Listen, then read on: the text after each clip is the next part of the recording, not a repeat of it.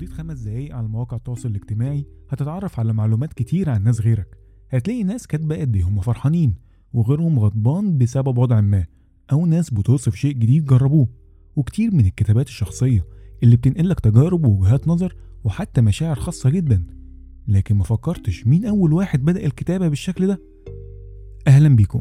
أنا محمود نشأت وده كلام كتب. والنهاردة هكلمكم عن كتاب كيف تعاش الحياة. أو حياة مونتان. لسارة بيكويل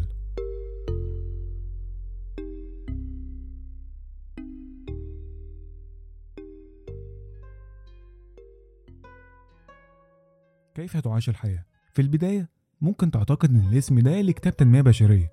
وممكن ما تاخدش بالك قوي إنه كتاب سيرة شخصية لواحد من أهم الفلاسفة في عصر النهضة. والحقيقة أنا ما فكرتش أقراه خالص لنفس السبب إلا لما قريت الكتاب التاني لنفس الكاتبة سارة بيكويل خلينا الأول نتعرف عليها. سارة بيكويل هي أمينة المكتبة اللي عايشة في لندن واللي كانت مسؤولة عن الكتب القديمة. طول الوقت كانت بتحاول تكون كاتبة للروايات لكن ما كانتش مقتنعة قوي بمدى جودتها. وفي يوم اشترت كتاب بالصدفة اسمه المقالات لميشيل دي مونتان. عجبها جدا وقررت تكتب عن سيرته وتفكيره. وقضت خمس سنين في البحث والكتابة لحد ما في 2010 صدر أول نسخة من كتابنا. واللي اترجم بعد كده للعربي في 2019 في 350 صفحة. سارة اللي ما كانتش قد كده في الروايات قدرت تقدم أفضل تجربة كتابة لكتاب سيرة شخصية يمكن لأنها كانت بعيدة عن الطرق الأكاديمية واستخدمت طرق أكتر إنسانية قادرة إنها توصل لك تفاصيل الأحداث وإزاي بسهولة قادرة تخليك جزء من معضلة فلسفية وعلى دراية بكل أطرافها. والحقيقة مستواها ده منقش خالص في كتابها التاني على مقهى الوجودية. أول حاجة هتعرفك إن ده كتاب مميز هي تقسيمة الكتاب. الكتاب عبارة عن سؤال واحد وعشرين إجابة مختلفة. السؤال هو كيف تعاش الحياة؟ وكل إجابة هتسرد جزء من حياة ميشيل دي مونتان وجزء من فلسفته. أول إجابة كانت لا تقلق من الموت. مونتان الفيلسوف والمفكر الفرنسي اللي عاش في القرن 16 في الفترة ما بين 1533 و 1592 وهو في عشرينات عمره وقابلته في حفلة أو أي تجمع في الغالب هيكون سرحان وحزين وده لأنه مصاب بوسواس الموت. مونتان العشرين الكئيب كان وسواسه القهري تجاه الموت هو اللي بيقود حياته وده نتيجة قراءات مبكرة لفلاسفة بدائيين واللي الموت بالنسبة لهم كان موضوع خصب جدا للكلام فيه.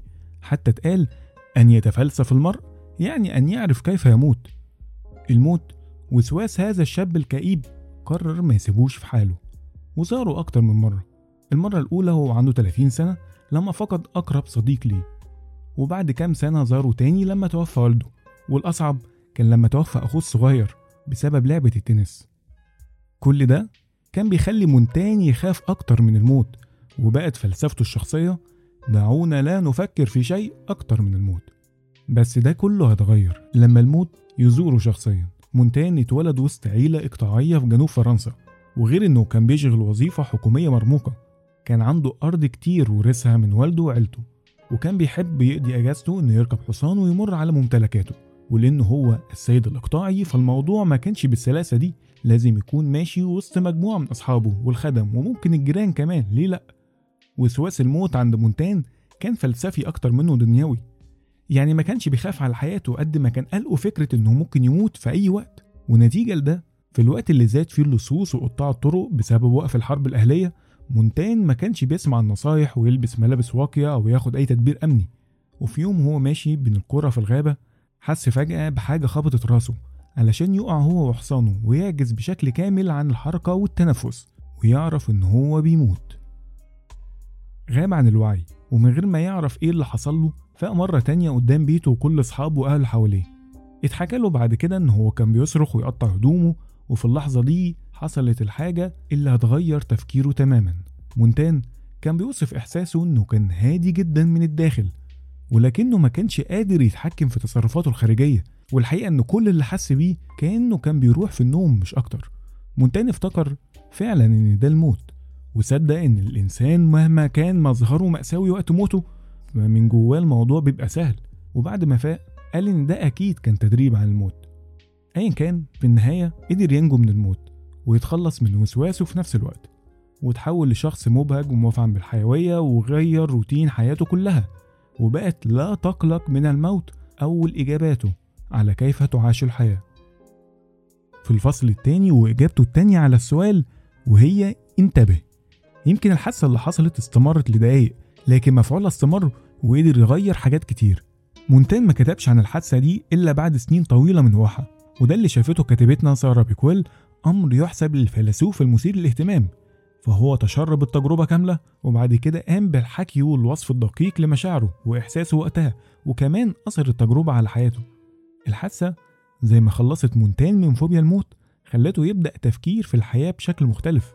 ببساطة لما تكون متأكد من حاجة محددة تأكد تام وفجأة تدرك إن هي مجرد وهم. طبيعي إنك هتعيد تفكير في كتير من الأمور اللي أنت مسلم بيها. وده بالظبط اللي عمله. بدأ يفكر ويقيم حياته من أول وجديد حتى إن هو غير قائمة كتابه المفضلين الفلاسفة البدائيين.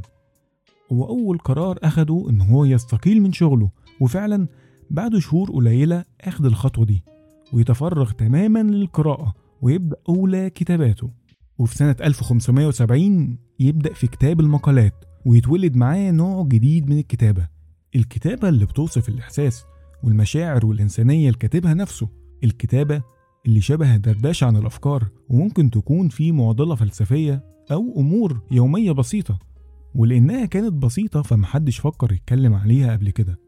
الأمر أشبه بالتدوينات على المواقع المختلفة في وقتنا الحالي. مونتان وقع في غرام وصف الإحساس والإدراك البشري وبدأ يحول وعيه وإحساسه لمقالات مكتوبة. وكتير كان بيقوم بتجارب قاسية علشان يعزز شعور معين بهدف الكتابة عنه. مثلا خلى حد من مساعديه يقعد جنبه وهو نايم طول الليل ويصحيه كل ساعتين لمجرد إنه كان عايز يوصف الشعور البشري وهو نايم. أيوه هو الموضوع يبان غريب بس صديق المستمع في القرن 16 ده كان طبيعي جدا. انتبه اللي مونتان جاوب بيها على السؤال يقصد بيها إنك تركز على اللي بتعمله في حياتك. وهل هو فعلا الشيء اللي انت عاوز تعمله؟ لكن صديقي الموضوع ما كانش بالسهولة دي. بالنسبة لمونتان نفسه خليني أوضح لك. عيلة مونتان ما كانتش في الأصل من النبلاء حتى لو مونتان نفسه كان بيدعي غير ذلك. وتقدر تقول إن الوصول لطبقة النبلاء كان حلم قديم لعيلته وجده هو اللي قدر ينفذ ده. لما صفى تجارته واشترى أرض زراعية والقصر اللي هم عاشوا فيه. خليني أقول لك إن التجارة كانت مهنة لا تليق بالنبلاء في العصر ده ووالد مونتان قدر يعزز وضعهم بعد ما التحق بالجيش وشارك في الحرب مع إيطاليا سنين كتير ورجع منها بقصص وتجارب كانت كفيلة إن هي تبعد مونتان عن الجيش والحرب وفضل الاشتغال في السياسة عن الحياة العسكرية. كمان طفولة مونتان ما كانتش طبيعية. من أول يوم اتولد فيه ووالده كان له خطة بيعدوا ليها يمكن بطرق غير تقليدية شوية. بداية من إنه بعد ولادة ابنه بعته يعيش مع أسرة من الفلاحين في قرية لحد ما بقى عنده سنة وده اللي خلى مونتان دايما شايف نفسه بسيط. كان مفيد له على حسب رأي مونتان نفسه إنه كان قادر ببساطة يتعامل مع العامة بدون تكبر وده اللي خلى إدارة أملاكه أسهل. لكن اللي ما كانش معمول حسابه إن ده يكون سبب في توتر علاقته مع أهله طول الوقت. وبعد ما كبر كان بيميل دايما للعزلة وملازمه شعور بعدم الانتماء. لكن التجربة ما وقفتش لحد هنا. بعد ما تم سنة والده رجعه للقصر مرة تانية وقرر إن ابنه لازم يتعلم اللغة اللاتينية القديمة لغة المثقفين والحكماء والموظفين المرموقين وإنها تكون لغته الأصلية. وفعلا جاب مدرس للغة اللاتينية ومنع أي حد يتكلم معاه بأي لغة تانية لدرجة إن أمه والخدم نفسهم اتعلموا لاتيني علشان يتواصلوا مع مونتان الطفل الصغير. القرن 16 كان غريب أنا عارف لكن ده كله هيقولك قد إيه وظيفة مونتان كانت مهمة ومش شيء خاص بيه هو لوحده. لا ده كان مشروع عيلة كاملة من أول يوم اتولد فيه فإنه يسيبها ويستقيل منها ما كانش قرار سهل أو إنه من أثرياء فالوظيفة لا تعني له شيء. الأكيد إن التجربة دي ساعدته بشكل مباشر في استقلال شخصيته وفكره. وشعور بعدم الانتماء خلى عنده سهولة في تكوين أفكار بعيدة عن السائد وده اللي هتعرفه في إجابة مونتاني التالتة وهي أن تولد. وفي الفصل الرابع كان أقل غموضا وإجابته كانت اقرأ كثيرا وانسى معظم ما قرأت ولا تكن سريع البديهة. اللي خلينا نقول إن مونتان كان شخص صريح وغير مدعي هي كتاباته واللي بيوصف فيها نفسه. وفي الوقت ده الثقافة كانت موضة الأغنياء في أوروبا وكل نبيل بيتباهى بحجم مكتبته والاقتباسات اللي بيقدر يقولها زي بالظبط ما يتباهى بعدد العبيد اللي بيملكها.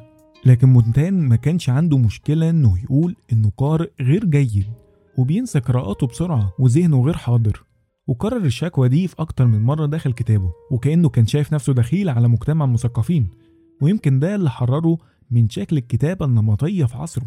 وفي الفصل ده هتتعرف أكتر على فترة دراسته وإزاي بدأ تكوين فكره الفلسفي؟ وبداية رحلته مع القراءة وإمتى بدأ يتخلص من كتب الدراسة ويختار كتب أكتر متعة؟ أفتكر كده فهمت الكتاب ماشي إزاي. كل فصل هو إجابة على السؤال الافتراضي كيف تعاش الحياة؟ وبيحكي جزء من حياة وفكر ميشيل دي مونتان. مش عايز أحرق لك أكتر من كده وأسيبك تستمتع ببقية العشرين فصل وإجابة. عامة تجربة القراية ممتعة جدا. بداية من الشكل الغير مألوف في كتابات سارة بيكويل لحد شخصية ميشيل دي مونتان نفسه واللي في الآخر صنعوا كتاب سيرة شخصية وممتع في نفس الوقت. في النهاية مفيش إجابة لسؤال كيف تعاش الحياة لكننا نقدر نتعرف على شخص حاول الإجابة. يا ريت اللي قرأ الكتاب يقول لنا رأيه واللي ما يبدأ يقراه الكتاب فعلا يستحق. ولو عجبتك الحلقة اعمل لنا share و subscribe الحلقات بتاخد مجهود ووقت كبير. من أول اختيار كتاب يستحق لحد ما تسمعها زي دلوقتي.